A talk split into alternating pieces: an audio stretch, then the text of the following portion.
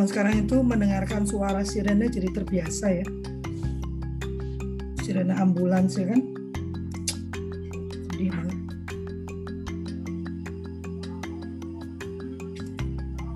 Oke, we are live. Kita mulai ya. Sebelum saya bagikan linknya. Ya, selamat pagi. Uh, selamat bertemu kembali di hari Jumat yang agak-agak mendung di sini. Agak-agak biru, agak-agak abu-abu gitu ya. Uh, pagi ini kita kembali lagi di Kultur Parenting Pagi, edisi hari Jumat 19 Maret 2021. Bersama dengan kami berdua, tampaknya uh, Teh ini belum belum merespon WhatsApp saya. Memang uh, kondisi WFH ini uh, menyenangkan karena kita bisa berbuat banyak tanpa biaya besar. Cuman koordinasinya jadi susah karena kalau lagi uh, WA-nya lagi nggak dibaca, jadi sulit bicaranya ya. Tapi it's okay lah ya. Uh, hari ini kita akan membicarakan topik yang sebetulnya setiap hari sih topiknya menarik-menarik ya. Nah hari ini nih tadi pagi Kak Meli nanya blended maksudnya apa? kawin sama orang asing. ya, uh, uh, walaupun Dignas mempersiapkan diri, Dikbud mempersiapkan diri untuk memulai pembelajaran luring atau offline di bulan Juli dengan dikebutnya vaksin para pendidik ya Bu Renani itu di beberapa tempat dikatakan vaksinnya untuk formal dulu non formal belakangan. Itu saya berkali-kali ingin menyampaikan ke pemerintah itu. Itu pak ada statement seperti itu ya. Nah eh, namun namun eh, saya masih berharap orang tua tetap eh, berhati-hati waspada mengirimkan anaknya ke sekolah karena baru gurunya yang divaksin. Anak-anak belum sampai divaksin sehingga um, ancaman itu masih ada. Dalam konteks itu maka apa yang Kak Yulia sampaikan saya pikir itu bisa menjadi salah satu solusi. Dengan blended learning itu uh, apa pak anak-anak terpapar oleh kemungkinan terkena virus itu berkurang. Karena dicampur antara uh, offline dan online gitu ya Kak Yulia ya walaupun uh, kalau Profesor Eko mengatakan itu tidak selalu berarti offline dan online tapi blended antara kemandirian dan bertemu dengan fasilitator bisa berbentuknya online juga. Jadi ini blended learning ini sangat menarik dan pagi ini kita akan dipandu oleh uh, Cik Meli uh, yang pasti akan menarik sekali karena tadi dengan Cik Meli bertanya begitu saja saya percaya dia akan mewakili teman-teman yang apa sih blended learning itu gitu kan uh, sehingga kita akan mendapatkan pencerahan. Uh, silakan Cik Meli. Saya Lovely akan bagikan link dulu. Oke, okay, selamat pagi buat yang sudah hadir di sini. Ada Pendeta Adi, wow, paling paling setia ya. Hai Bintang, terima kasih banyak Bu Renani sudah menyiapkan waktunya untuk bergabung sama kita juga. Halo Bu Bu Eni di Depok, Bu Juana, thank you. Terus Kak Yeni, Nah, mudah-mudahan yang lain semakin banyak yang pengen tahu juga gitu ya. Nah, sebenarnya pertanyaan saya ke ke Lovely itu kan saya takutnya nanti saya salah. Karena waktu itu Lovely itu pernah bilang sama saya tentang uh, yang pernikahan uh, dua dua ini apa dua negara yang berbeda itu loh gitu. Karena itu kan juga termasuk dengan blended ya gitu kan. Mixed Jadi, marriage itu. Ya, ya tapi kan aku nganggapnya apakah itu gitu. Jadi akhirnya numbuk nih gitu. Apa iya Yulia menikah sama orang asing gitu. gitu ya. Jadi ya nggak apa-apa. Kita mesti e, kalau nggak tahu ngomong aja nggak tahu. Kalau kita sok tahu kan jadi akhirnya nggak belajar apa-apa gitu ya. Thank you banget Yulia. Yulia ini e, sahabat saya nih. Sahabat saya kita sama-sama bareng-bareng kita ke Singapura waktu waktu zamannya Pak Anies jadi menteri ya gitu ya. Kita udah lama juga ya ternyata. Tapi e, waktu itu saya sampai bisik-bisik sama Yulia nih. Yul sebenarnya ngapain sih kita sampai pergi ke Singapura gitu ya Padahal kalau dengar dari ceritanya Yulia tentang cikalnya, cikal bakal apa yang telah dilakukan oleh sekolah cikal gitu ya. dengan rangkulnya dengan segala uh, menurut saya itu adalah satu apa ya satu cara yang sangat sangat produktif dan inovatif gitu ya gitu dari apa yang dilakukan oleh Cikal. Nah hari ini mungkin saya tidak tidak tidak apa spesial bicara tentang Cikalnya, tidak spesial bicara tentang uh, apa tentang uh, keluarga kita gitu ya. Tapi nggak apa-apa silakan juga nanti kalau mesinnya Yulia mau nyinggung ya seperti apa sih. Nah tentu saja kalau kita bicara tentang uh, uh, blended learning itu kalau learning itu artinya kan kita belajar. Artinya belajar itu uh, kan sekarang sekarang kan masih di dalam masa PJJ ini kan pasti kita online ya online. Nah berarti Yulia itu bisa mempersiapkan kita kita nih gitu bagaimana nanti mixing antara online sama offline. Kira-kira seperti itu ya Yul. Yulia saya kasih waktu 25 menit aja nggak boleh lebih ya Yul gitu supaya teman-teman yang lain itu bisa nanti akan bertanya terus sama Yulia sampai selesai. Oke, terima kasih silakan Yulia. Oke, mungkin sambil uh, apa namanya uh, santai pagi gitu ya. Uh, salam kenal uh, Bapak Ibu. Uh, perkenalkan nama saya Yulia. Uh, saya dari uh, keluarga kita, saya ibu uh, dari dua orang putri. Anak saya yang besar uh, usianya 12 setengah tahun, yang kecil usianya uh, 8 tahun. Nah, hari ini terima kasih banyak sudah diajakin sama Bu Meli, Bu Yanti, Bu Lovely gitu ya dan uh, senang bisa gabung di sini untuk ngobrol-ngobrol. Um, nah sekalian nih uh, Bu Meli uh, seneng deh uh, ketemu di sini dan sekalian sekalian meluruskan ya saya izin screen share boleh Bu? Boleh boleh boleh silakan. Oke okay. belum bisa masih disable. Oke okay, ya Uh, saya mungkin uh, sekalian uh, apa namanya uh, meluruskan sedikit yang uh, tadi Bu uh, Meli ucapkan gitu ya atau sampaikan. Jadi Bu Meli yang uh, uh, saya kerjakan bersama teman-teman rangkul itu gitu ya itu sebenarnya tidak ada hubungannya dengan sekolah cikal sih gitu. Ah. Jadi Betul, okay. cuman memang pendirinya Ibu Najla Shihab uh, emang uh, mendirikan sekolah Cikal gitu ya dan juga mendirikan ke keluarga kita gitu. Tapi sebetulnya kami organisasi yang betul-betul berbeda gitu dan tidak dalam satu organisasi yang sama gitu. Ah. Jadi ini benar-benar terpisah gitu. Hmm. Dan juga uh, teman-teman rangkul gitu yang uh, kerja barengan gitu itu juga nggak ada hubungannya sebenarnya sama sekolah Cikal. Apakah di sekolah Cikal ada rangkul-rangkul gitu? Iya ada gitu ya, tapi itu adalah dua hal yang berbeda gitu. Jadi mungkin sekalian uh, sedikit aja ya mungkin beberapa menit. Jadi di keluarga kita kita juga sama ya uh, sejalan dengan pemerintah yang uh, mengumandangkan bahwa keluarga adalah pendidik utama dan pertama gitu ya Bu Meli ini kita sama ya Bu Meli ya. Bu, Bu Yanti kita juga mendukung pemerintah untuk terus menggaungkan dan uh, mengkampanyekan bahwa memang keluarga itu adalah pendidik utama dan pertama. Nah, di keluarga kita kita punya logic model atau teori perubahan yang uh, menjadi acuan kami gitu ya untuk menjalankan uh, pendidikan keluarga dan memperluas pendidikan keluarga. Uh, jadi uh, ada core kurikulum yang kami uh, susun gitu ya, dan kemudian ada program-program yang dijalankan agar materi-materi pendidikan keluarga yang kami susun itu bisa disebarluaskan kepada orang tua gitu. Nah tujuannya sih sebetulnya satu ya, apa yang uh, kami uh, sebagai organisasi pendidikan keluarga itu uh, lakukan sebenarnya tujuannya pada akhirnya adalah meningkatkan uh, kapasitas orang tua dalam uh, pengasuhan gitu. Nah, uh, untuk ngejalaninnya sendiri, nah tadi kan udah disebut-sebut nih rangkul, ada Binta juga di sini gitu ya, uh, yang uh, juga bagian dari rangkul gitu. Jadi di keluarga kita itu uh, kami bukan cuma menyusun materi pendidikan keluarga gitu ya, tapi kami juga mengelola para relawan yang uh, mendapatkan pelatihan untuk menjadi penggerak pendidikan keluarga gitu ya namanya rangkul. Jadi rangkul ini perannya sebagai penggerak pendidikan keluarga dan kemudian uh, mengadakan sesi-sesi berbagi dengan uh, para orang tua di sekitarnya gitu. Jadi dengan materi uh, kurikulum yang sudah kami uh, latihkan kepada para uh, rangkul ini kemudian rangkul bikin sesi-sesi. Makanya seperti foto di sini gitu ya mereka bergerak sendiri secara sukarela gitu ya merasa ada kebutuhan untuk berbagi dan saling menguatkan sesama orang tua itu nah itu jalan sekarang ada di 114 uh, kabupaten kota tidak semuanya aktif tapi sebagian besar aktif gitu jadi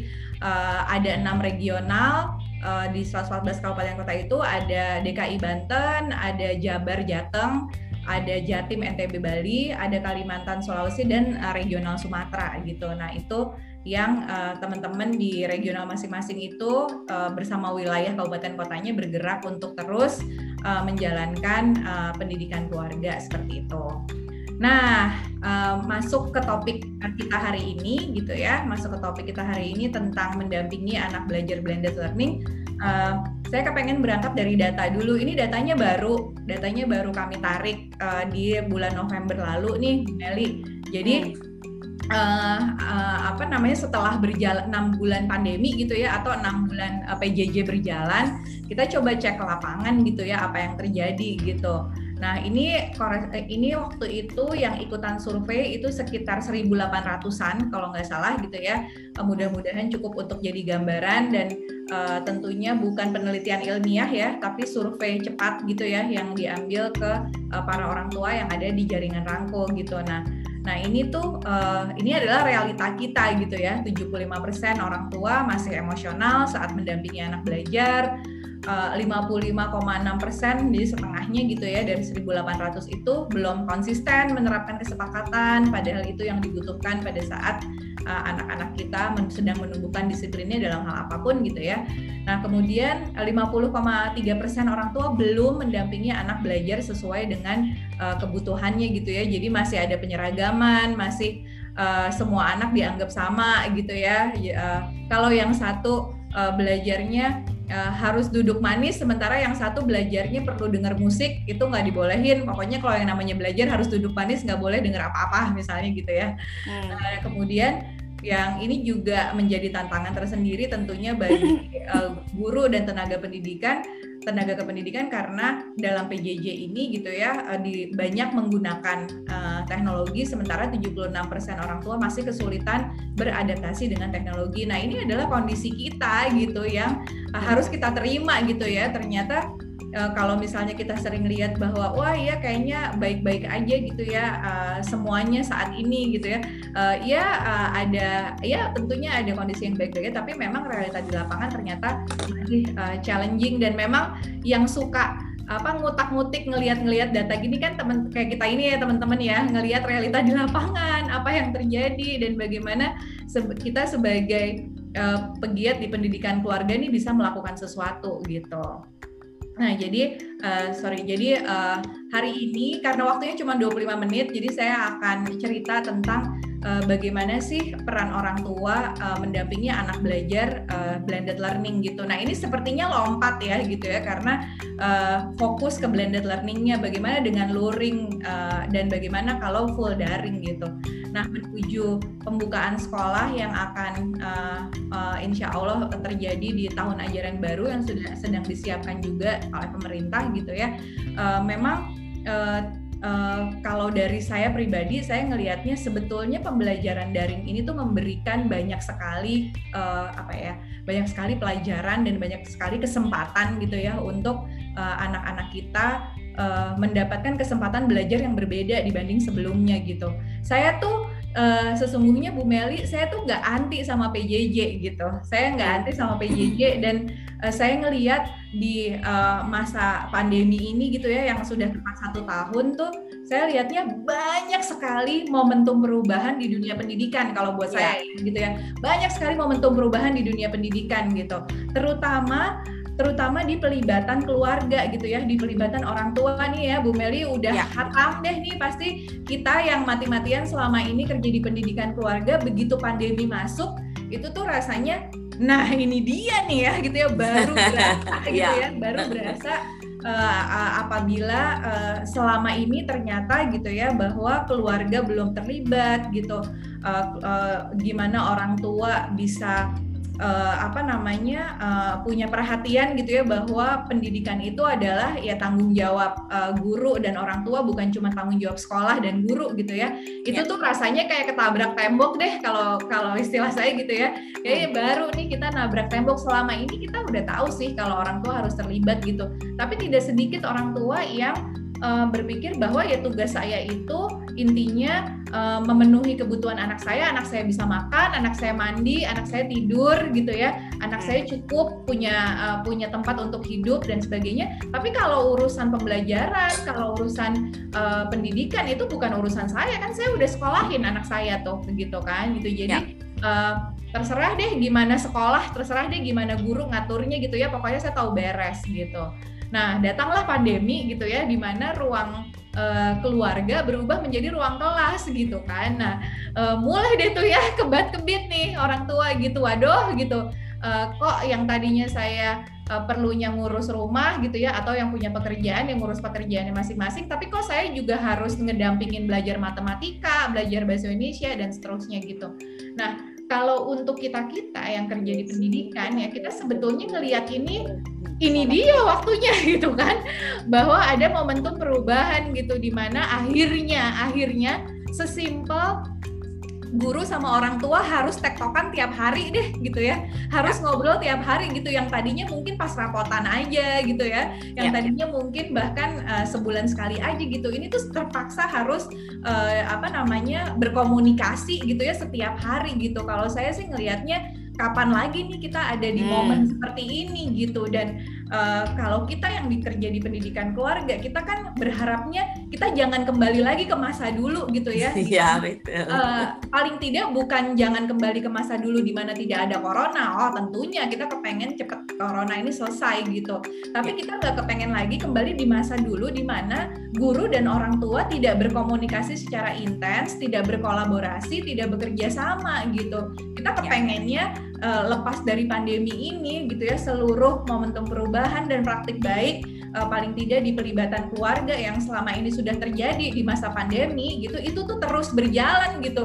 Terus jangan sampai nanti habis pandemi terus kita udah nih gak nggak ngobrol-ngobrol lagi antara orang tua sama guru saya takut loh Bu Meli. Terus yeah, yeah, itu berapi-api karena saya khawatir gitu yeah, karena yeah. takutnya nih nanti uh, interaksi dan kerjasama yang sudah intens terjadi selama pandemi ini tuh jadi berhenti gitu. Pada saat kita kembali luring dan sekolah persekolahan kembali seperti masa dulu. Orang tua kembali menyerahkan uh, kepada uh, guru di sekolah mengenai pendidikan anak-anaknya dan guru ngerasa udah nggak perlu komun banyak komunikasi lagi sama orang tua orang gitu. Tua, nah itu iya. uh, satu hal gitu. Nah hal yang kedua, saya ngelihatnya pembelajaran blended learning gitu ya, di mana tadi Bu Meli bahas uh, di awal gitu ya. Dan uh, blended learning itu betul tidak selalu online dengan offline saja gitu ya. Mungkin dipersepsikan seperti itu gitu ya. Dan itu ya tidak apa-apa kalau misalnya publik punya persepsi seperti itu. Tapi betul sebetulnya blended learning itu esensinya adalah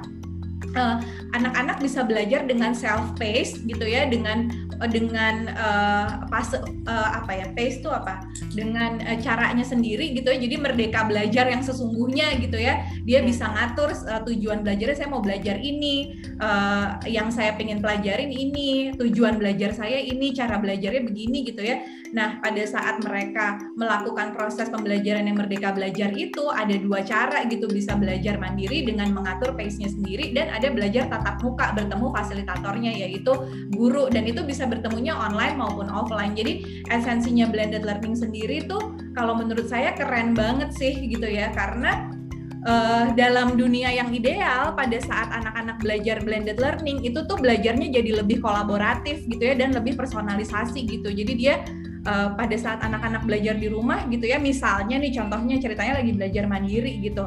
Uh, kita ngeliat gitu ya orang tua melihat sendiri gitu bagaimana seorang anak sedang uh, berproses gitu ya untuk mencapai tujuan belajarnya lagi-lagi ini tujuan belajar ya bukan sekedar untuk mendapatkan nilai ya untuk bisa sesuatu nih ya dia mengatur dirinya gitu kan gitu jadi uh, misalnya oke okay, misalnya tugasnya praktikum gitu ya um, uh, mengukur uh, berat sebuah beda gitu ya. Terus anak-anak gimana caranya bu? gitu ya dikasih tahu instruksinya. Misalnya kamu coba masukin uh, beras ke dalam kos kaki terus ditimbang tuh ya kira-kira berapa gitu atau taruh di mangkok. Nah itu kan anak-anak mendapatkan instruksi itu murid dapat instruksi terus habis itu dia di rumah ngatur kan ya uh, saya mau pakai apa ya? Nanti oh mungkin pakai mangkok aja gitu. Habis itu saya ambil timbangan dia nanya sama orang tua timbangannya mana bu? Saya mau coba mau pinjam timbangan saya mau nyoba nimbang. Terus dia eksperimen sendiri. Nah dalam proses itu kan dia meng, dia apa ya dia belajar gitu ya dan dia mengatur dirinya untuk bisa memahami sesuatu gitu. Dan setelah itu dia menyimpulkan uh, dari apa yang dia pelajari gitu. Menurut saya ini sebuah uh, proses belajar yang sangat keren sih gitu. Karena uh, dia mengalami sendiri, dia mengatur dirinya, dia kemudian menyimpulkan gitu ya, terus dia jadi belajar sesuatu gitu ya, bukan sekadar mengerjakan soal terus habis itu dia dapat nilai gitu. Nah, ya. jadi uh, pada saat uh, apa namanya orang tua pun gitu ya pada saat melihat anaknya belajar di rumah orang tua tuh juga bisa menilai oh anak saya tuh bisa mengerjakannya tidak bisa mengerjakannya saya harus bantu dan seterusnya gitu. Jadi uh, takutnya muter-muter jadi blended learning balik lagi gitu ya. Uh, boleh aja kalau dipersepsikan offline dan online gitu ya uh, tapi sebetulnya itu tadi belajar mandiri dan belajar dengan tatap muka. Ada masa-masa di mana anak-anak mengatur dirinya untuk belajar sendiri ada masa-masa di mana dia bertemu sama fasilitatornya ya dalam hal ini guru gitu ya. Dan kemudian dia bisa konsultasi dapat arahan gitu ya. Terus uh, dapat feedback dapat umpan balik atas apa yang dia pelajari gitu. Nah itu yang dinamakan blended learning gitu. Nah bagaimana sih peran kita uh, sebagai orang tua di dalam blended learning ini gitu ya? Ini dari jurnal uh, riset uh, parents involvement uh, uh, keluarga kita coba adopsi gitu ya dan adjust gitu. Uh, ada tiga peran. Yang pertama adalah sebagai mentor yang kedua sebagai motivator dan uh, yang ketiga adalah melaksanakan monitoring gitu dalam uh, blended learning ini gitu.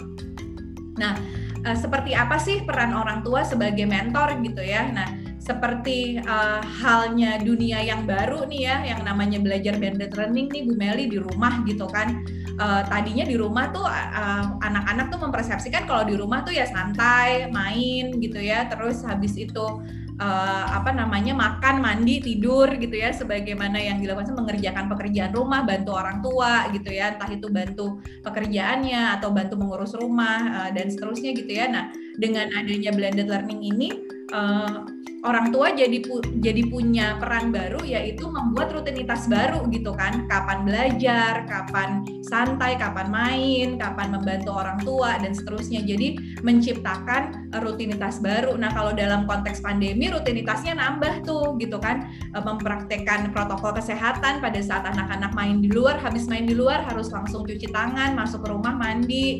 Terus habis itu ganti baju gitu ya. Terus main lagi di dalam rumah gitu. Jadi uh, orang tua sebagai mentor di blended learning ini kalau di konteks pandemi gitu ya artinya juga ada faktor protokol kesehatannya. Tapi nanti apabila kita sudah keluar insya Allah dari situasi pandemi tetap perlu menciptakan rutinitas baru. Kapan tuh eh, anak-anak uh, melakukan merdeka belajar di rumah gitu ya ibaratnya gitu. Kapan secara mandiri dia mempraktikkan merdeka belajar kapan dia punya waktu dikasih waktu untuk belajar gitu ya. Dan kemudian butuh uh, kesepakatan bersama tuh jadinya gitu ya apa yang boleh dilakukan apa yang tidak boleh dilakukan gitu ya. Boundaries kan anak-anak perlu tahu gitu ya pada ya. saat mereka uh, apa namanya melakukan rutinitas di rumah gitu apa sih yang oke okay untuk dilakukan apa yang nggak oke okay, belum lagi ada value keluarga yang masuk ke situ gitu kan.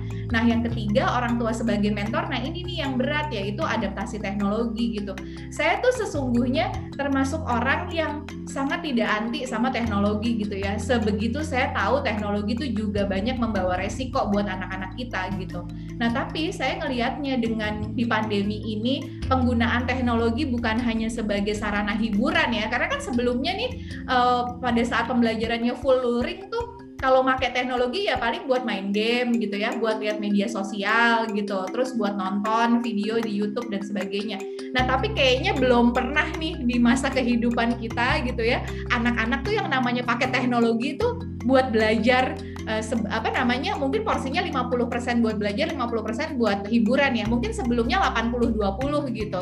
Kalau sekarang bener-bener 50-50 atau bahkan lebih gitu. Lebih. nah uh, dalam blended learning yang namanya apabila teknologi itu digunakan secara optimal gitu ya Bu Meli. Sebetulnya opportunity opportunity-nya tuh gila banget sih. Opportunity gede banget. Ya. salah satu hal ya yang menakjubkan kalau menurut saya dari blended learning di mana seorang murid itu bisa belajar uh, di satu mata pelajaran tapi teman-teman sekelasnya beda-beda sekolah. Saya tuh uh, apa namanya sering membayangkan dunia yang seperti ini gitu ya bahwa Ah, misalnya anak saya kelas 7 nih Bu Meli, dia belajar misalnya uh, social studies nih mata pelajarannya ya, social ya. studies gitu. Nah, tapi belajar sosial studiesnya bukan cuma dengan teman-teman uh, sekelasnya di sekolah Cikal gitu ya, karena anak saya sekolah di sana gitu. Tapi dia sekolah juga, tapi dia sekelas juga sama anak dari misalnya BPK Penabur, misalnya dia sekelas juga sama anak SMA 8, dia sekelas juga sama anak SMA Al Azhar misalnya gitu ya. Jadi uh, adaptasi teknologi di uh, eh sorry blended learning ini memungkinkan yang namanya kolaboratif learning gitu jadi uh, apa seorang murid bisa belajar uh, bukan cuma dari fasilitator yaitu gurunya, tapi juga belajar dalam satu kelas dengan anak-anak lain gitu. Dan kemudian uh, apa namanya dalam satu mata pelajaran sosial studies ini gitu ya nilai yang didapat gitu itu tuh bisa digunakan oleh sekolah masing-masing gitu ya untuk kemudian ya dikonvert jadi assessment yang uh, memang sudah uh, apa namanya sudah ada polanya gitu ya atau formatnya gitu jadi saya ngelihatnya blended learning ini nih kalau misalnya orang tua gitu ya ngelihat ini potensi besar buat orang tua orang tua yang lihat oh iya ya dengan blended learning ini dengan adanya teknologi saya sebetulnya uh, bisa membuka kesempatan kepada anak saya untuk banyak sekali belajar bukan hanya dari uh, sekolah dari teman-teman bukan hanya dari apa ya dari sekolah yang sekolah formal yang dia ikutin gitu ya tapi dari banyak kesempatan untuk bisa belajar dari sekolah-sekolah lain juga karena itu teknologi memungkinkan kalau dulu kan nggak mungkin nih anak ya. saya kepengen belajar dari guru matematika yang sangat keren di SMA uh, 29 misalnya gitu ya. Sana tuh guru matematikanya keren banget tuh gitu. Tapi anak saya nggak sekolah di situ gitu. Gimana caranya ya? Nah kalau guru matematika di SMA 29 itu membuka kelas matematika secara online yang di yang bisa diikuti oleh murid mana pun gitu ya itu kan anak saya jadi bisa belajar sama dia gitu ya, ya. ini dunia yang ideal hmm. tapi saya yakin sekali kita akan menuju ke sana sih mungkin nggak sekarang mungkin nggak 10 tahun lagi tapi mungkin 15-20 tahun lagi gitu ya yang namanya blended learning ini akan besar sekali sih gitu ya dan ya. akan ya. memberikan kesempatan belajar pada murid-murid yang lebih luas gitu nah Kemudian peran yang kedua tadi kan M yang pertama yaitu orang tua sebagai uh, motivator gitu ya gimana kemudian uh, orang tua bisa menjalankan komunikasi efektif sama anak-anak. Gimana sih mereka menjalankan merdeka belajar ini gitu ya? Merdeka belajar itu kan bukan belajar suka-suka gitu ya bukan belajar sebebas-bebasnya gitu. Merdeka belajar itu artinya mereka menentukan tujuan belajarnya gitu ya. Merdeka belajar itu artinya anak mengatur dirinya untuk mencapai tujuan belajarnya tentunya dengan uh, guru dan orang tua sebagai fasilitator yang mendampingi mereka gitu kan. Sehingga sangat butuh komunikasi efektif efektif gitu ya sangat uh, butuh uh, memberikan komunikasi efektif itu tuh artinya ya berempati sama anak gitu ya. Uh, kemudian juga memberikan mereka pilihan apa yang mau dilakukan bukan hanya perintah gitu ya. Dan kemudian uh, apa namanya uh, tidak tidak sekadar memberikan nasihat gitu ya tapi menceritakan pengalaman apa yang kita lakukan dalam uh, sehari-hari. Nah Kemudian uh, sebagai motivator juga dalam blended learning ini, gimana sih uh, orang tua di dalam sebuah keluarga dan juga anak tuh mengatasi kelelahan dan kejenuhan gitu ya. Uh, pasti ada banyak bosennya gitu ya, apalagi di situasi ini kalau konteksnya masih di situasi pandemi ya. Tapi kalau di situasi blended learning yang nanti misalnya sudah kenormalan baru gitu ya, uh, gimana sih mengelola uh, belajar di rumah, mungkin bosen gitu ya, dan kemudian gimana sih uh, apa namanya uh, berinteraksi yang masih terbatas gitu ya secara online. Jadi ada kelelahan dan kejenuhan gitu. Dan kemudian juga gimana orang tua sebagai motivator itu bisa berbagi peran dengan anggota keluarga lainnya. Ini juga masuk ke dalam part ini gitu. Nah yang terakhir adalah orang tua sebagai motivator jangan lupa nih gitu ya kita perlu interaksi yang menyenangkan gitu ya. Sebagai orang tua tuh kita suka lupa ya Bu Meli. Kita pikir tuh peran kita adalah yang penting anak-anak kita ngejalanin rutinitasnya dengan baik. Pokoknya yang yang penting makan uh, tidur belajar gitu ya gitu. Tapi seru-seruannya lupa gitu ya dan seru-seru itu kan nggak selalu membutuhkan biaya gitu ya. Bisa di rumah punya ritual untuk main uh, bareng bersama-sama main yang bersungguh-sungguh gitu ya sehingga punya interaksi menyenangkan. Nah yang terakhir adalah uh, orang tua yang melaksanakan peran uh, untuk memonitor proses belajar itu gitu Nah ini agak banyak kalau ada karena konteksnya paling deket sama proses pembelajaran gitu ya. Ah, orang tua lima perlu, menit lagi ya, yuk. Okay, siap. uh, uh, orang tua perlu tahu gaya belajar anaknya gimana gitu ya. Nah ini banyak berkait sama temperamen bawaan sih. Ada anak yang butuh bergerak dulu sebelum belajar gitu ya. Ada anak yang memang uh, level intensitas geraknya tuh rendah gitu. Jadi atau tidak banyak sehingga dia ada tuh tipe anak yang kalau belajar bisa duduk manis gitu ya tapi banyak juga gitu yang belajarnya tuh nggak bisa diem gitu ya dia harus sambil bergerak misalnya gitu terutama untuk anak-anak yang lebih kecil gitu. Nah kalau untuk anak-anak yang lebih besar mungkin ada beda tipe ada yang uh, dia lebih bisa belajar di uh, apa namanya lebih produktif di malam hari ada yang produktifnya di pagi hari ada yang bisa belajar di suasana uh, ramai gitu ya ada yang perlu belajar di suasana hening. Nah itu tuh um, memperhatikan gaya belajar anak-anak yang disesuaikan sama kebutuhannya dia sehingga pada saat dia belajar tuh dia bisa mengatur dirinya dengan baik gitu ya. Nah kemudian juga perlu mengelola waktu belajar. Waktu belajarnya itu perlu diperhatikan uh, seperti apa uh, kapan belajarnya ini bagian dari kesepakatan yang juga tepat dan tentunya setiap tahap perkembangan setiap jenjang uh, uh, anak gitu ya pasti beda-beda ya anak SD sama anak SMP pasti waktu belajarnya beda begitu juga dengan anak yang uh, sudah di menengah ke atas gitu ya yang menengah atas. Nah kemudian yang ketiga adalah orang tua perlu paham sih tujuan belajarnya apa gitu. Ini kayaknya kalau di halaman buku tuh suka kita skip gitu ya. Uh, apa namanya? Apa sih uh, uh, tujuan pembelajarannya gitu ya learning objektifnya tuh apa gitu. Nah itu tuh kita sering kali nggak paham. Nah ini kalau di proses di PJJ ini ya gitu ya saya perhatikan tuh guru-guru suka uh, menginfokan bu. Jadi di mata pelajaran ini tujuannya tuh ini gitu ya. Jadi orang tua perlu tahu sih kenapa sih anak saya belajar uh, tiga kali tiga gitu ya. Misalnya buat apa dia belajar itu gitu? Apakah supaya dia hafal perkalian gitu? Enggak kan gitu ya. Tapi supaya dia paham apa sih yang dimaksud dengan tiga kali tiga itu gitu. Dan gunanya apa dia belajar tiga kali tiga gitu. Sehingga dengan begitu kalau orang tua paham tujuan belajarnya apa dia bisa bantu. Ini loh yang namanya tiga kali tiga ini ada sendok tiga gitu ya. Terus kalau ini dikali tiga berarti diulang tuh tiga kali gitu kan gitu. Nah itu pasti akan sangat membantu guru sih kalau orang tua tujuan belajar gitu paham tujuan belajar ya jadi guru bisa kasih tahu orang tua coba lakukan dengan barang-barang di rumah gitu. Seperti apa sih tiga kali tiga itu yang biasanya dilakukan di sekolah gitu. Dan orang tua kan juga lega ya gitu ya. Oh anak saya tuh bukan cuma sekedar tahu tiga kali tiga tuh sembilan, tapi dia paham tiga kali tiga tuh sembilan tuh dapatnya dari mana gitu. Nah yang keempat Bu Meli yang menurut saya sangat menarik dari blended learning ini gitu ya uh, dan uh, juga PJJ gitu bahwa orang tua tuh sebetulnya berperan sebagai asesor gitu ya. Ini sesuatu yang sering di underestimate sih kalau menurut saya gitu ya. Kan kalau selama ini yang melakukan assessment atau penilaian pada anak-anak kita itu kan guru gitu kan. Hmm, hmm. Tapi dengan PJJ ini gitu ya sebetulnya orang tua tuh juga bisa berperan sebagai asesor. Sesimpel gitu ya. Kalau saya lihatnya sesimpel nih misalnya pada saat anak dapat tugas, mungkin nih anak-anak yang SD aja ya contohnya ya. Anak-anak yang lebih kecil misalnya pada saat anak diminta mengerjakan worksheet misalnya gitu ya atau dia uh, uh, menuliskan refleksi dari uh, uh, praktik belajarnya di rumah kayak tadi misalnya udah menimbang-nimbang beras gitu kan biasanya tetap ada lembar refleksinya kan gitu jadi uh, uh, apa namanya berat berasnya berapa uh, apa gunanya menimbang beras gitu ya nah terus di bawah itu tuh bisa tuh ditambahin satu kolom lagi uh, komentar orang tua gitu ya. Kalau komentar orang tua kan biasanya teks aja gitu, misalnya bagus, baik gitu ya. Uh, tugasnya keren misalnya gitu.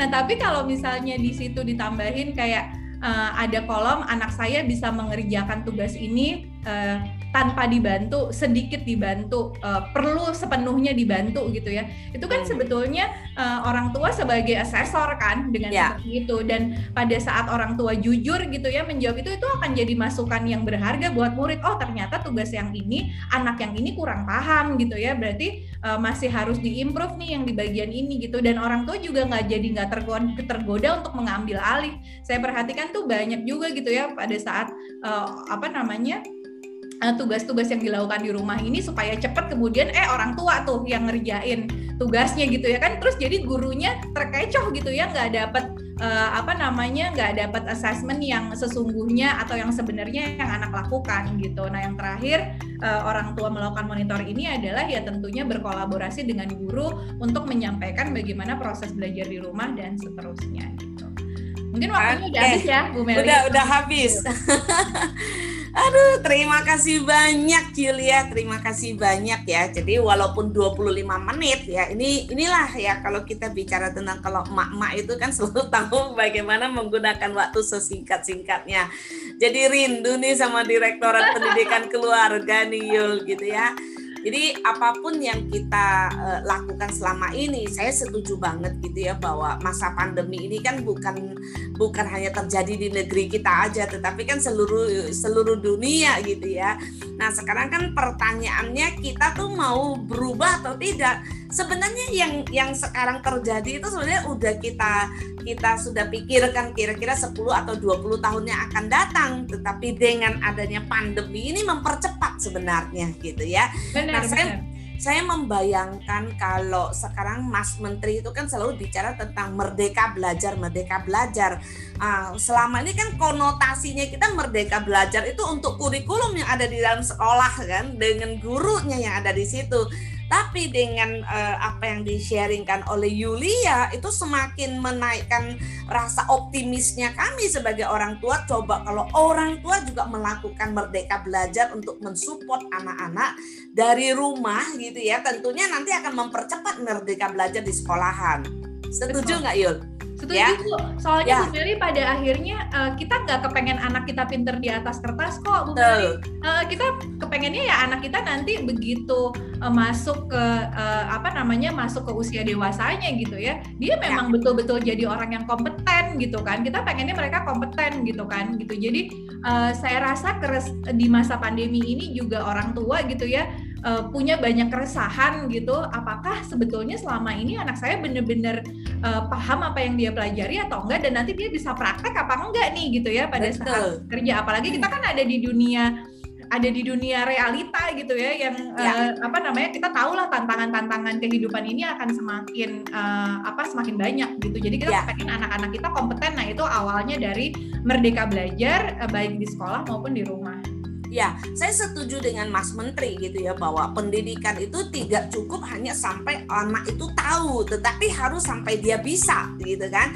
Nah, itu kan yang di eh, kita mesti positif lah gitu bahwa dunia pendidikan tuh uh, lewatin apa? lewatin Kementerian Pendidikan dan Kebudayaan terus berevolusi bagaimana supaya bisa uh, memberikan yang terbaik buat anak-anak bangsa gitu. Nah, tentunya kan kita masih ingat bahwa pendidikan itu kan tidak hanya ada di sekolahan, tetapi ada di rumah dan orang tua sebagai pendidik pertama dan utama itu yang nggak boleh lupa gitu. Jadi itu yang perlu sekali kita orang uh, kembalikan lagi, kuatkan diri gitu ya. Nah, tadi saya senang sekali bahwa merdeka belajar di sini. Ya, kalau kita tadi bicara tentang uh, blended learning ini yang saya mau coba garis bawahi itu itu bukan sekedar hanya bicara tentang offline dan online-nya, tetapi bagaimana membuat anak-anak kita tuh mengerti dan sadar bahwa ada kebutuhan dia untuk belajar sesuatu dan dia cari tahu ya tujuan dia untuk belajar itu tuh apa sampai dia tuh mengerti sampai dia bisa gitu. Nah, jadi dia tuh mengambil inisiatif sampai benar-benar bahwa dia mesti belajar mandiri gitu ya, mandiri untuk untuk dia bisa mencapai tujuan itu gitu. Nah, orang tua dengan hanya tadi dengan 3M itu sebagai mentor, sebagai ketika uh, anak itu bisa jatuh, kita jadi motivator untuk menguatkan dia gitu ya. Terus tadi uh, orang tua bisa monitor ya, bisa menjadi asesor yang bagus. Ini luar biasa sekali gitu. Nah sementara nih ya Yulia uh, masih memang ini perlu dobrakan ya perlu dobrakan.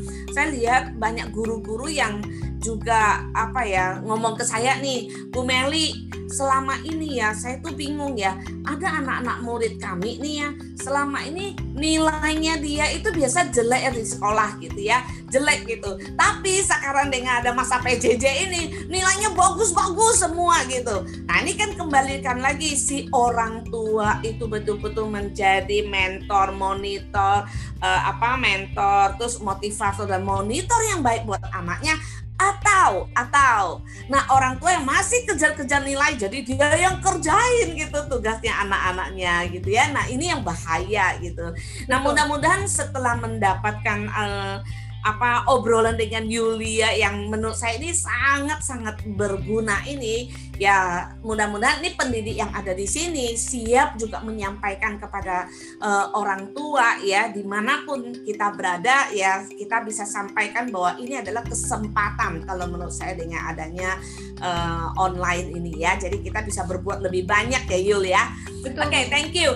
Nah buat teman-teman yang di sini silakan. Yang mau bertanya sama Yulia silakan silakan uh, kita kasih kesempatan buat di sini yang tanya dulu sebelum kita baca uh, dari chat. Okay. Silakan siapa yang mau tanya? Oh, Bu Halimah. Eh, Bu Halimah, oh bukan. Sorry. Siapa yang mau bertanya silakan, boleh raise hand. Pendeta Adi udah raise hand tuh. Cik. Siapa? Pendeta Adi. Oh, Pendeta Adi. Pendeta Adi ini benar-benar pembelajar yang luar biasa nih. Silakan Pendeta Adi. Ya, terima kasih. Salam kenal buat Ibu Yulia. Saya dari Kupang NTT tadi saya baca dan saya dengar ternyata rangkul belum ada di NTT ya Bu. Wah, NTT ini... belum ada Bu. Nah, ini calonnya, ada. ini calon ya. rangkulnya Yul. Ya, ya. Nanti nanti pendeta Adi ikut ya di rekrutmen berikutnya ya. Ya, saya saya senang dengan uh, apa yang uh, Ibu Yulia sampaikan pagi ini. Saya mendapat inspirasi dan uh, Eh, menerima insight insight baru dari pembelajaran belajar blended learning ini.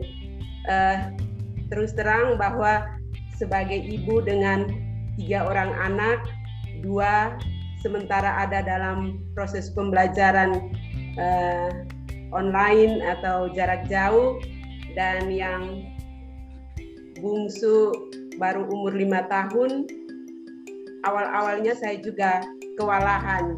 Karena sesungguhnya saya menerima sebuah model pembelajaran yang tidak memerdekakan saya. Sehingga ketika anak-anak belajar dari rumah eh, biasanya saya yang panik ketika guru memberitahukan bahwa anak saya ini belum mengumpulkan eh, tugas-tugas tepat pada waktunya.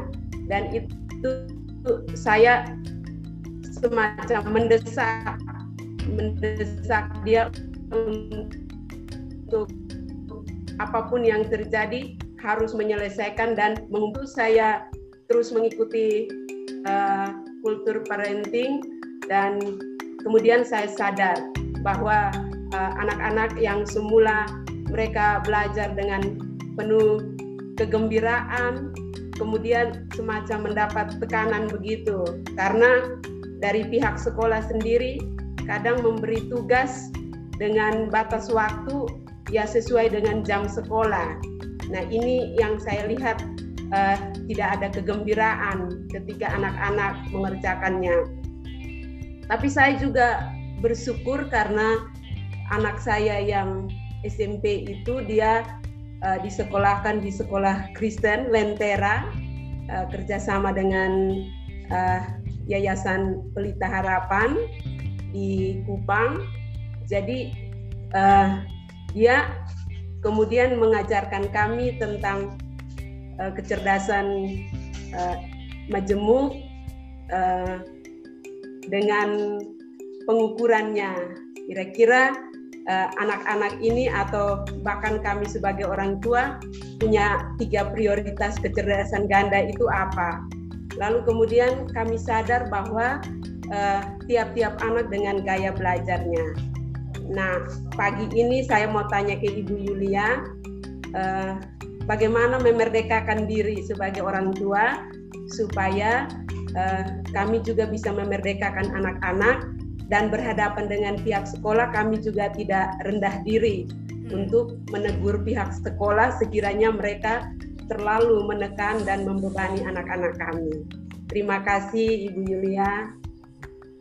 Ini pertanyaan yang luar biasa Yulia ya itu yang kita harapkan bagaimana orang tua memerdekakan dirinya supaya tidak ditekan oleh sekolah ya aduh keren banget Yulia silakan jawab Pendeta Adi, terima kasih banyak. Ini kalau mendengarkan uh, cerita dan pertanyaan Pendeta Adi ini betul-betul sungguh-sungguh orang tua yang sangat berkomitmen ya dalam pendidikan gitu karena uh, betul-betul memikirkan uh, apa sih yang tepat dan dibutuhkan oleh anak gitu. Nah, uh, saya biasanya secara personal ya Pendeta Adi begitu sudah bingung dengan seluruh to-do list dan begitu banyak uh, hal yang harus dilakukan kalau saya jadi pendeta adi saya akan memilih fokus ke tujuan sih gitu. Jadi sebetulnya uh, apa ya fokus ke tujuan gitu. Anak saya uh, tentunya saya kita perlu mem memberdayakan diri kita untuk banyak belajar ya pendeta adi. Jadi jadi uh, tadi ada uh, tiga orang uh, anak gitu ya dengan usianya masing-masing gitu ya.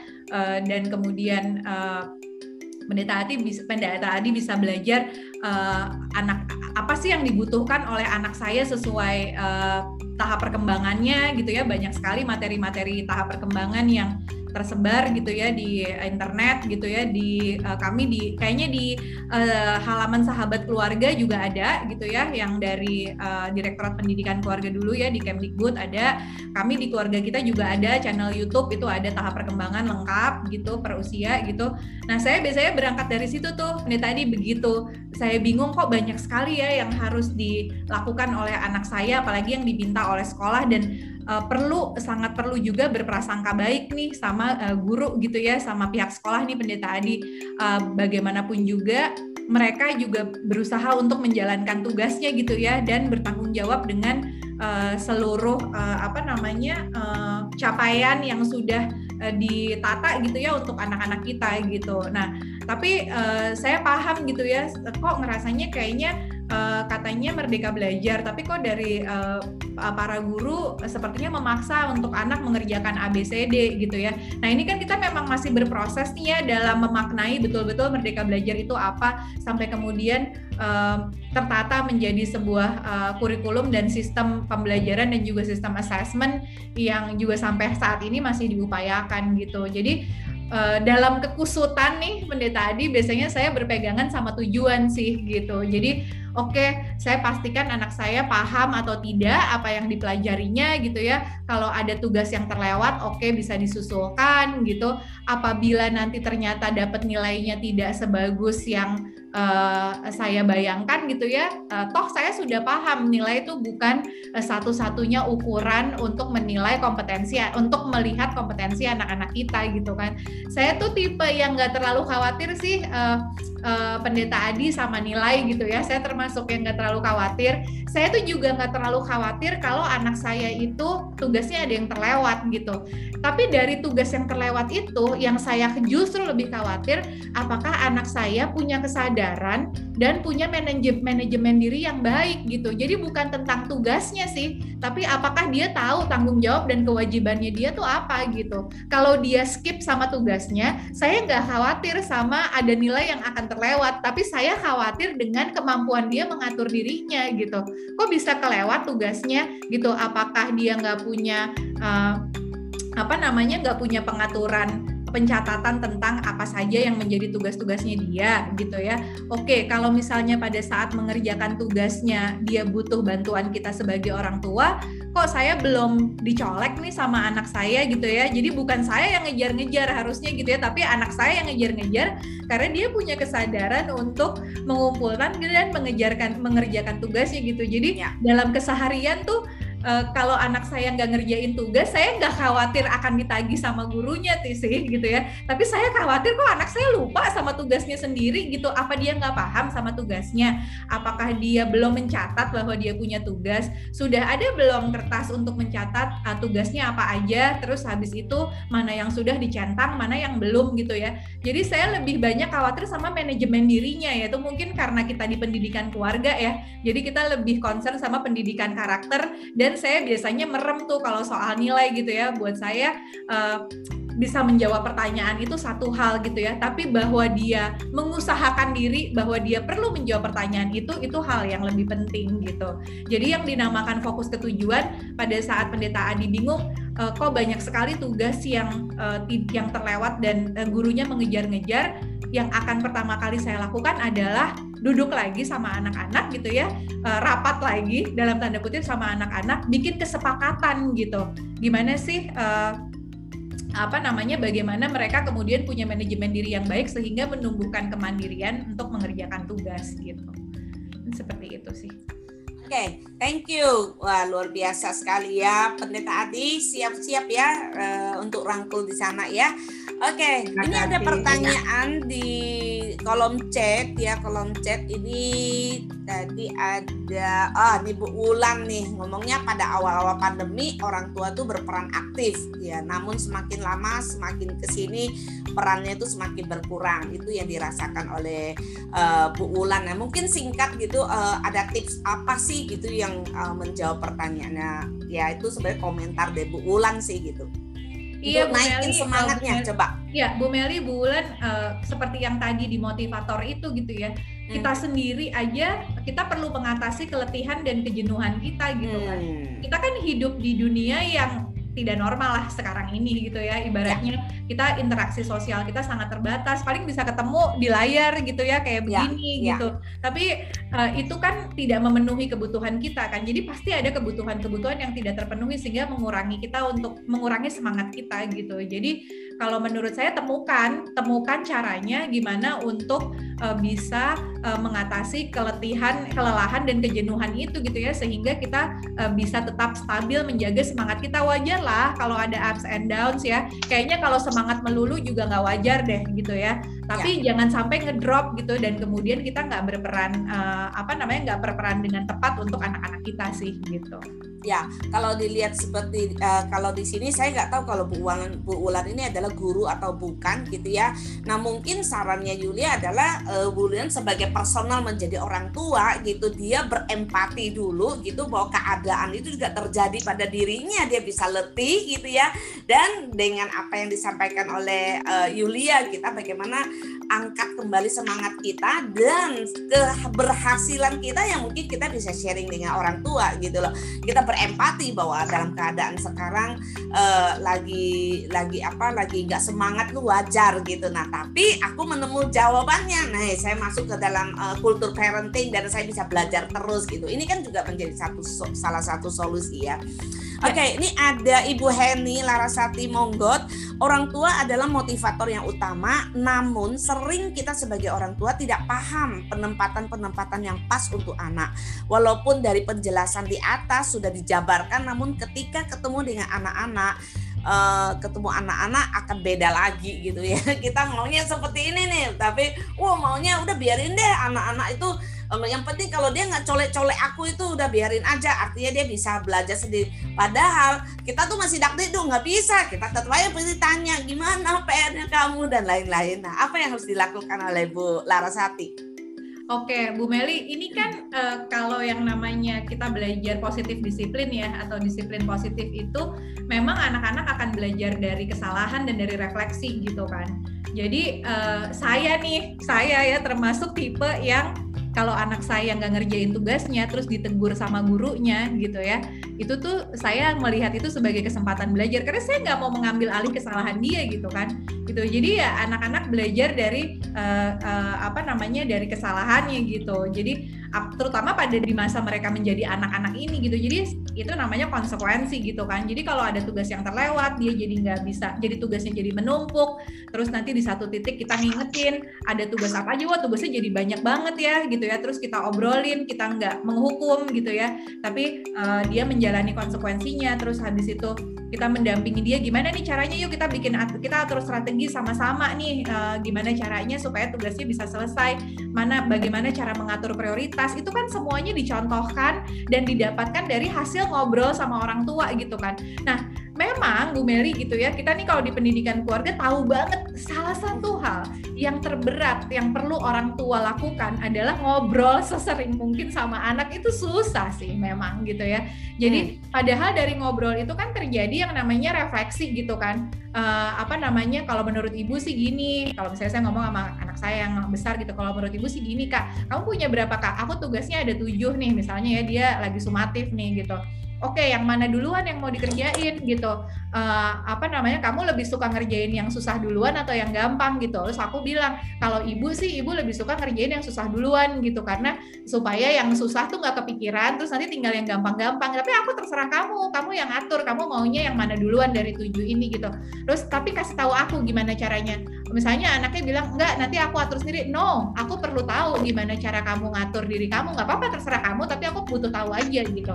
Terus dia kasih tahu oke okay, saya mau kerjain uh, bahasa Inggris dulu terus nanti besok aku kerjain yang ini dan seterusnya. Jadi kita mendampingi mereka memberikan arahan atas uh, apa ya atas kemerdekaan belajar yang mereka punya. Mereka sendiri yang atur prioritas saya yang ini terus kita kasih masukan. Jadi kita nggak kita nggak mengambil alih uh, mengambil alih keputusan mereka gitu ya. Mereka ngambil keputusan tapi kita mendampingi nah tapi proses ini perlu terjadi sejak anak usianya lebih kecil memang gitu ya. Hmm. jadi nggak bisa tiba-tiba udah besar terus habis itu kita baru ngomongin prioritas gitu ya. Tapi dari anak kelas 1 SD kelas 2 SD udah perlu diomongin gitu. Kamu ada tugas apa hari ini aku ada tugas apa ya? Aku lupa deh aku ada tugas apa kalau anak-anak lebih kecil kan gitu ya. Aku lupa tugas aku apa gitu. Oke aku bantu ya tanya sama gurunya ya. Tapi besok-besok kamu harus tahu kamu tugasnya apa gitu. Oke gitu. Oke terus ini kita sepakati nih kertasnya nih. Kamu tugasnya ada dua. Nanti kalau kamu udah kerjain centang ya tapi kamu ngerjainnya sendiri. Nanti kalau misalnya kamu udah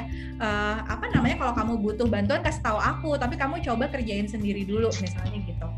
Jadi uh, apa ya uh, bahwa kesadaran bahwa anak kita itu akan belajar dengan dengan uh, cara merdeka belajar gitu ya itu berarti membutuhkan orang tua menjadi pembimbing di rumah di ya. mana ya. bukan mengambil alih tugas mereka tapi mengarahkan mereka untuk bisa um, mengambil keputusan mengatur diri gitu ya mengambil kesalahan memiliki kesalahan itu meng, me, merasakan konsekuensinya dan kemudian memperbaikinya gitu dan peran ya. orang tua tuh kita kalau ibaratnya nih kalau main sepak bola nih ya Bu Meli kita ya. ikut masuk ke dalam lapangan kita di luar lapangan aja tapi ya. kita menyemangati kalau dia jatuh kita kita nanti akan membantu dia untuk mengatasi ketidakenakannya gitu tapi kita kan nggak ikut main bola di dalam ya. lapangannya ya. gitu ya. jadi okay. uh, tetap perlu memonitor juga ya jadi nggak bisa melepaskan se sebebas-bebasnya ya.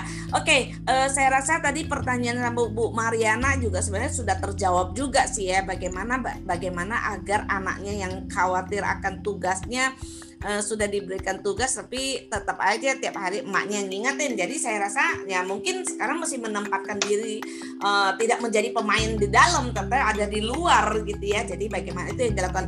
Oke terakhir ya terakhir uh, saya ini ada Bu Halimah yang mau bertanya. Terakhir ya Bu Bu Halimah singkat ya Bu Halimah gitu singkat nah, ini ada biar... yang dari dari YouTube udah aku masukkan nih yang dari Bu Heni Larasati. Udah, udah kan tadi yang Tadi udah kan oh, Henny okay. Larasati Monggot. Oke okay, oke okay, oke. Okay. Woi, kamu minum kopi dong. Silakan Bu Halimah. Terima kasih Kak atas waktunya. Selamat pagi semuanya. Pagi Bu Halimah. Uh, ya, mungkin walaupun saya selalu terlambat, insya Allah masih paham lah. Uh, iya, tentang merdeka belajar, apa tugas peran orang tua, uh, semua agama menyarankan sama insya, insya Allah seperti itu. Yaitu sebagai pendidik uh, pendidik uh, sekolah yang yang pemula dan utama.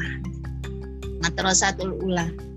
Uh, masa PJJ ini kalau saya amati memang banyak para ibu yang tidak paham akan apa ya apalagi istilah yang blended learning learning apa ini istilahnya kok seperti ini.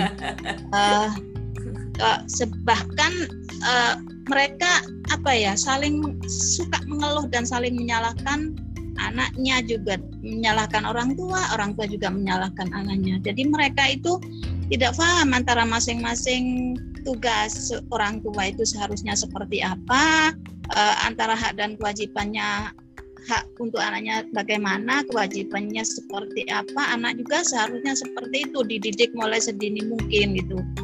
Uh, tetapi malah uh, dengan adanya tugas yang banyak itu dari sekolah, jadi mm, yang mengerjakan tugas ini adalah orang tuanya gitu Nah ini yang yang bikin anak mm, tidak paham apa tujuan dari pembelajaran itu yang sebenarnya apa membuat anak itu bodoh. Jadi nggak paham. Jadi ngerjakan sekolah itu takut gitu loh.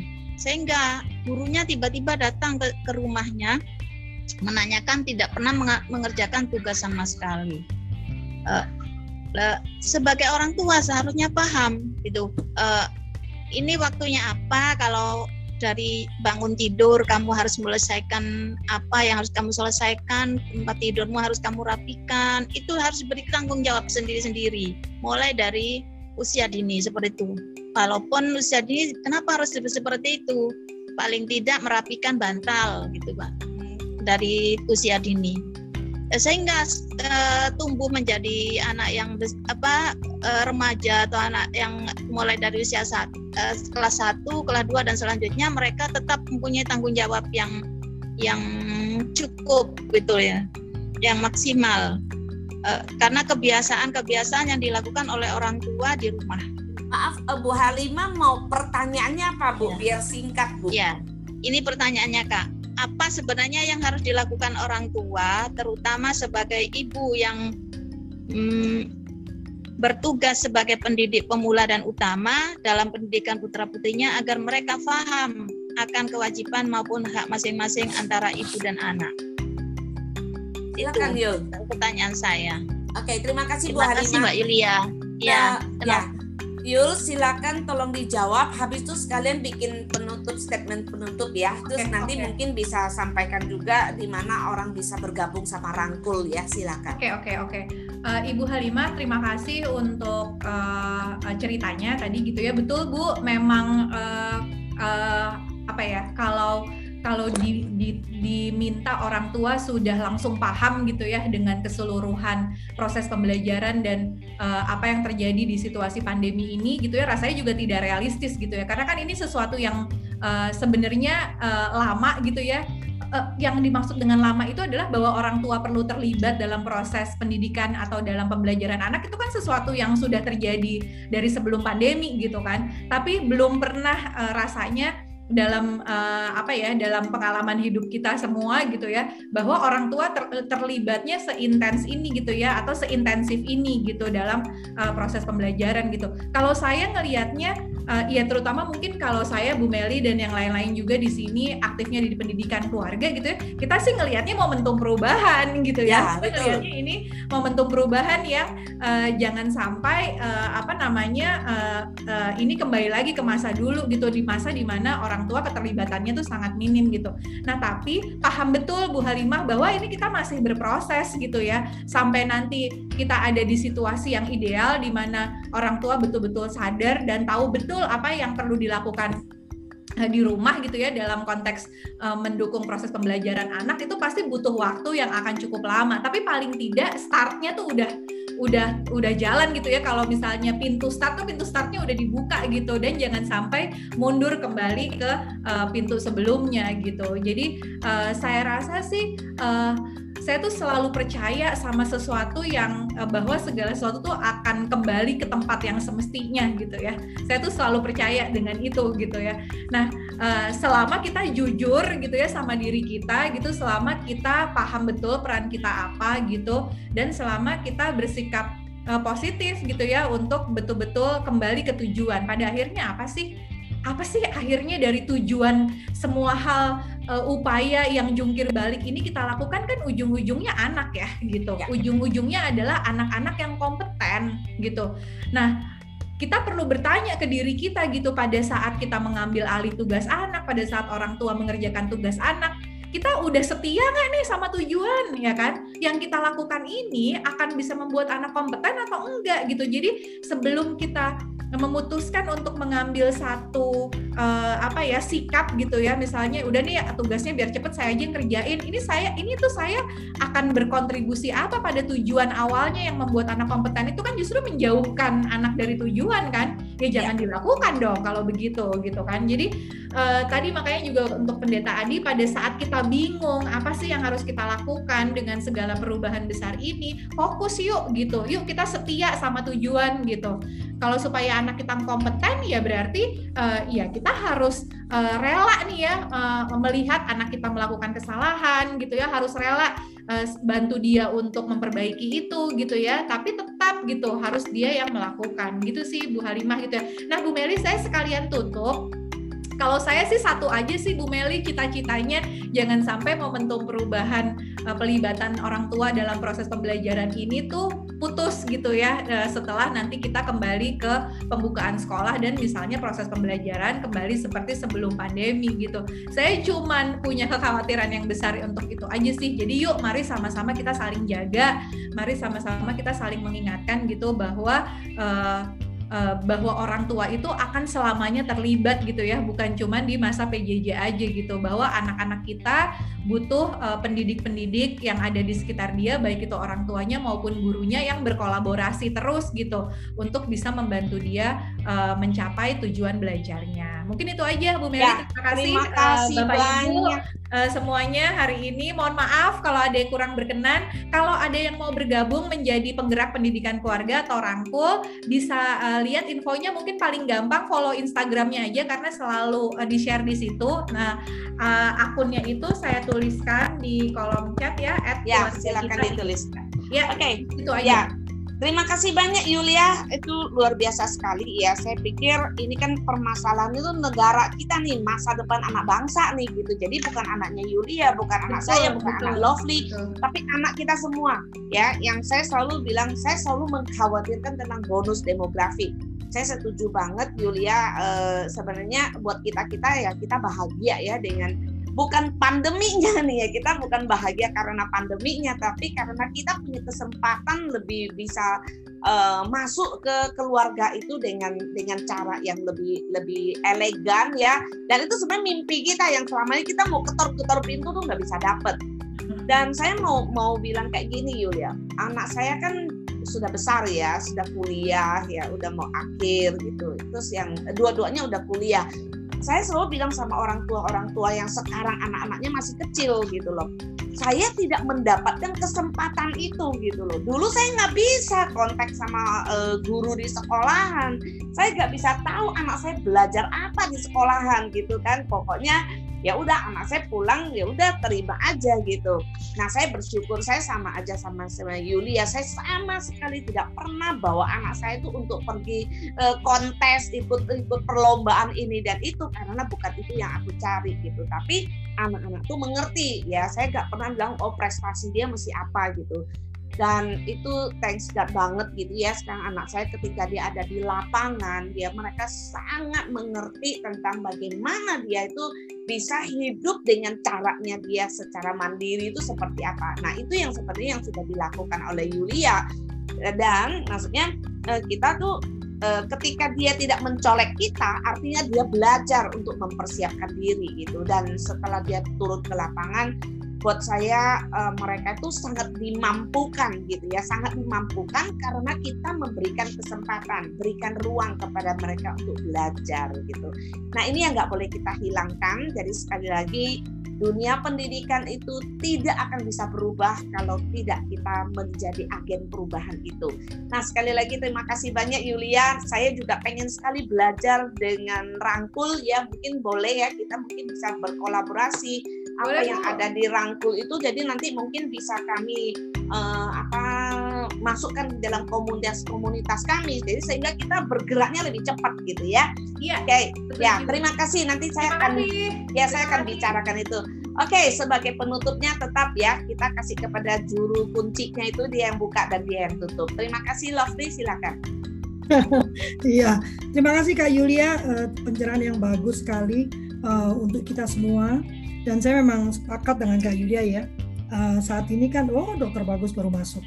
Uh, saat ini kan kita, uh, buat, buat saya pandemi ini blessing in disguise ya. Karena memaksa orang tua tapi juga memaksa guru untuk melihat bahwa uh, trisentra pendidikan itu perlu gitu kerjasama antara keluarga, sekolah dan masyarakat dan pemerintah itu sesuatu yang sangat perlu dalam rangka mendukung anak untuk belajar. Dan kalau tadi banyak yang mengatakan, aduh, uh, apa tekanan dari sekolahnya besar kak, so, apa tugas-tugas jadi makin banyak, itu kan? Itu salah satu uh, salah satu indikasi uh, gagalnya trisentra pendidikan, gitu kan? Antara sekolah dengan dengan pemerintah belum nyambung, apalagi sekolah dengan keluarga, apalagi pemerintah dengan keluarga masih belum nyambung, gitu kan? Karena masih gagal membaca uh, kebijakan yang diberikan oleh pemerintah kalau sudah membaca kebijakan maka sudah jelas begitu kita masuk ke pandemi dinyatakan oleh pemerintah bahwa fokus utama bukanlah uh, ketuntasan akademik. Fokus utama itu adalah hal-hal yang tadi disebutkan oleh para ibu tuh uh, harus di, apa disertakan, dilibatkan dalam membersihkan rumah, dilibatkan. Nah, itu yang sudah disebutkan oleh pemerintah untuk masa pandemi ini. Nah, cuman sayangnya sejak awal uh, pandemi ya Kak Yulia. Saya saya kebetulan sekjen Asapena ya Asosiasi Sekolah Rumah dan Pendidikan Alternatif. Dan sejak awal pandemi kita buat Asapena menyapa namanya ya khusus untuk para pela, apa pendidik ya. Uh, karena kalau homeschooler sudah biasa Kak uh, anak di rumah. Anak saya saya homeschooling tunggal ya homeschooler tunggal ya. Jadi seumur hidup mereka ya dia 24 jam 7 hari bersama saya enggak ke mana, apa bukan enggak ke mana-mana. Tapi ke mana pun saya pergi mereka ikut gitu ya. Sekarang sih mereka udah besar-besar ya Uh, sehingga buat kami yang homeschooler ini bukan sesuatu yang menakutkan, tapi untuk kalayak kalayak yang bukan pelaku homeschooler ini menakutkan. Itu sebabnya kita coba coba gali dan saya selalu mengatakan ini masa pandemik, ini masa darurat gitu. Jadi kalau masa darurat pola pandangnya harus berbeda, tidak bisa memandang seperti masa biasa gitu. Jadi tidak bisa di masa darurat semuanya seperti normal, semua target sebenarnya tidak bisa gitu kan. Uh, sayangnya memang ini darurat, da, bukan sayangnya ya, kita memang menghadapi darurat kesehatan. Kalau darurat militer, maka kita bisa melihat ancaman tuh di depan mata. Karena ini darurat kesehatan, ancamannya nggak tampak sehingga sulit untuk untuk membangkitkan rasa bahwa ini adalah darurat sebetulnya. Nah berikutnya sebetulnya eh, pemerintah sudah mendorong walaupun belum sempurna dan saya jadi ingin mengajak teman-teman ini termasuk Kak Yulia untuk melakukan advokasi karena Permendikbud 30 tahun 2017 itu sudah menyatakan apa peran keluarga di dalam uh, pendidikan anak-anaknya gitu peran strategisnya. Namun turunan ke apa makin ke bawah itu uh, lebih ke uh, lebih ke uh, dukungan untuk uh, penyediaan sarana dan prasarana sekolah. Jadi itu masih uh, apa masih pembiayaan ya. Sementara harusnya dukungan orang tua itu lebih tadi bahwa kita itu adalah pendidik pertama dan utama. Itu belum muncul di di Permendikbudnya. Dan juga bahwa uh, sekolah itu adalah mitra keluarga bukan sebaliknya bukan keluarga mitra sekolah. Sehingga kita ini tetap yang memiliki tanggung jawab utama. Baik anak-anak itu di persekolahan ataupun di non formal ya di luar persekolahan Uh, terima kasih banyak ya. Saya juga selalu mengatakan kalau uh, pandemi ini kita tetap fokus pakai akademik, maka keluar dari pandemi dan kita pasti akan keluar dari pandemi ini, kita akan menjadi uh, bangsa yang lost ya, yang lost karena uh, akademik sudah pasti. Saya sih selalu mengatakan sudah pasti nggak akan bisa tercapai karena orang tua tidak bisa menjadi guru dan guru akan sulit sekali menjelaskan akademik kepada anak lewat online ya. Itu sulit sekali. Jadi tidak mungkin bisa tercapai itu sudah pasti. Sehingga kalau kita fokus pada sesuatu yang hampir tidak mungkin tercapai dan kita melupakan hal yang sebetulnya lebih bisa dicapai yaitu perbaikan hubungan antara anak dan keluarganya dan juga perbaikan komunikasi antara keluarga dengan sekolah, maka nanti kita keluar dari pandemi ini kita lost. Benar ya Cimelia? Ya, Tapi kalau kita fokus pada memperbaiki hubungan anak dan keluarga, memperbaiki uh, komunikasi antara sekolah dan keluarga, maka keluar dari pandemi ini kita bisa mengejar ketinggalan akademik, tapi kita punya fondasi yang sangat kuat. Keluarga sudah pulih, bersatu dengan baik, dan hubungan uh, di, uh, komunikasi antara keluarga dan sekolah sudah terjalin dengan baik. Tinggal larinya untuk akademik. Benar? Itu yang sedang kami lakukan saat ini. Itulah kenapa saya menyambut baik waktu Cimeli meminta saya membuat kultur parenting pagi dengan mengumpulkan banyak pembicara parenting. Jadi narasumbernya bukan hanya Kak Cimeli, walaupun Cimeli ini adalah narasumber parenting yang terkenal, ya. Narasumbernya juga bukan hanya Teh Yanti, walaupun Teh Yanti Kerip itu pembicara pendidikan dan perlindungan anak yang terkenal, gitu kan. Uh, kami tidak sedang menonjolkan diri, kalau Lovely mah debu-debu ya. Uh, ka, ka, tapi kami ingin memberikan pilihan kepada keluarga karena kami percaya parenting itu sebuah budaya. Jadi kami tidak bisa memaksakan satu metode kepada satu keluarga karena apa seperti yang Cimeli selalu katakan, apa yang Lovely kerjakan di rumah belum tentu cocok untuk Cik Meli di rumah belum tentu cocok, cocok dengan Teh Yanti, demikian juga sebaliknya. Tapi dengan memberikan banyak pilihan, maka keluarga bisa memilih metode mana yang pas dengan value tata nilai yang dianut di dalam keluarganya. Dengan demikian, kita semua bisa bersama-sama melindungi anak, uh, membesarkan anak, mendidik anak menjadi sejatinya anak seperti yang diinginkan ya, oleh Tuhannya. Begitu ya, kita ketemu lagi hari Senin. Hari Senin hey. itu jatahnya Teh Yanti karena menurut Cingali kemarin mengatakan masing-masing dari kami juga harus menyampaikan metode kami uh, agar juga bisa di, dikontribusikan. Maka hari Senin itu uh, jadwalnya uh, Teh Yanti. Nanti kita akan bertemu setiap pagi jam 7 pagi. Kak Yulia kalau tidak keberatan uh, saya memang tidak akan meminta jaringan tapi saya berpikir kalau kita punya jaringan, Kak Yulia punya acara, silakan uh, share ke Lovely. Nanti Lovely share ke jaringan yang Lovely punya. Uh, ya. Tapi dengan harapan nanti Kak Yulia juga membantu saya men-share acara ini. Karena menurut saya acara ini sangat bagus ya. Kita uh, kita kumpulkan orang tua tiga kali seminggu dan bicara beragam metode. Siapa pun boleh berbicara untuk menyampaikan metodenya. Aduh, itu ada siapa itu anak ganteng? Itu pakai apa itu? Tertutup semua. Iya. Oke, okay, uh, thank uh, you. Terima kasih. Kita ketemu lagi hari Senin. Oh ya, acara ini juga bisa didengarkan lewat podcast ya, Kultur Parenting ya. Jadi kalau tidak sempat nonton, tidak sempat ikut, bisa lihat YouTube. Aduh, kalau YouTube susah, kalau Flick ada waktu, silakan mendengarkan lewat podcast kami Kultur Parenting. Jadi tidak ada alasan ya, silakan dibagikan. Nanti podcastnya juga akan saya bagikan, silakan dibagikan ya. Ini bukan cari like, bukan cari uh, uh, bukan mau bikin supaya jadi youtuber gitu ya, tapi karena kami melihat kita ini masuk dalam masa uh, darurat parenting ya. Jadi harus segera dibangkitkan, dibangunkan keluarga kita bahwa kita menangani anak-anak yang luar biasa. Terima kasih Kak Yuli. Makasih, uh, salam kenal, senang bertemu Kakak. Kita foto kita dulu, foto dulu, foto dulu. Ya. Terima kasih teman-teman. ya. Foto dulu ya. Foto dulu. Iya, terima kasih ilmunya. Ya, ya uh, uh, yang lainnya boleh membuka kamera Yul. kita mau foto. Ya. Yul, ya, sebenarnya ini kita melanjutkan Kak semangat uh, Kak Wulan, uh, Kak Grace, Hai Direktorat Pendidikan Keluarga sebenarnya. Iya, betul. Ibu Merisa, boleh hilang. Kak Mariana. Top ini marah-marah. Itu adik masuk. Masuk Marah-marah. Hai Dokter Bagus, masih di situ aja. Belum selesai tuh tugas di situ. Bertugas anu, di situ. Anu, dibahas di buku barang bu. Oke okay. Bu Enda ayo kita mau saya mau foto. Satu Bu Enda Kak Enda eh nanti fotonya cuma kelihatan ini lehernya doang nanti. Kak Enda oi Kak Enda aku berasa kayak Bu Enda ya. Kak Enda Kak Enda main ayo Bu Enda waktu kecil kan gitu kan? Ayo satu dua tiga Oke, okay, saya masuk parenting, kultur parenting. Kultur parenting. Hebat. Sampai ketemu lagi hari ya, terima kasih. Selamat berakhir pekan. Tetap sehat. Julia nanti kita kontak-kontak ya yuk. Jika ada salah-salah. Ya, makasih. Tuhan berkati. Pak Bagus. Terima kasih banyak. Ini satu-satunya nih Bapak nih. iya, aku udah kak cari panggil-panggil bapak-bapak kita pada mana. Nah, makasih Kak Yani, makasih Hai Bintang, thank you Bintang. Nih Bintang nih anakku nih. Nih Grace, Bu Nurbaya, terima kasih Bu Eni, makasih, makasih Lovely, terima kasih semua. Ya. Terima kasih. Terima kasih. dulu ya.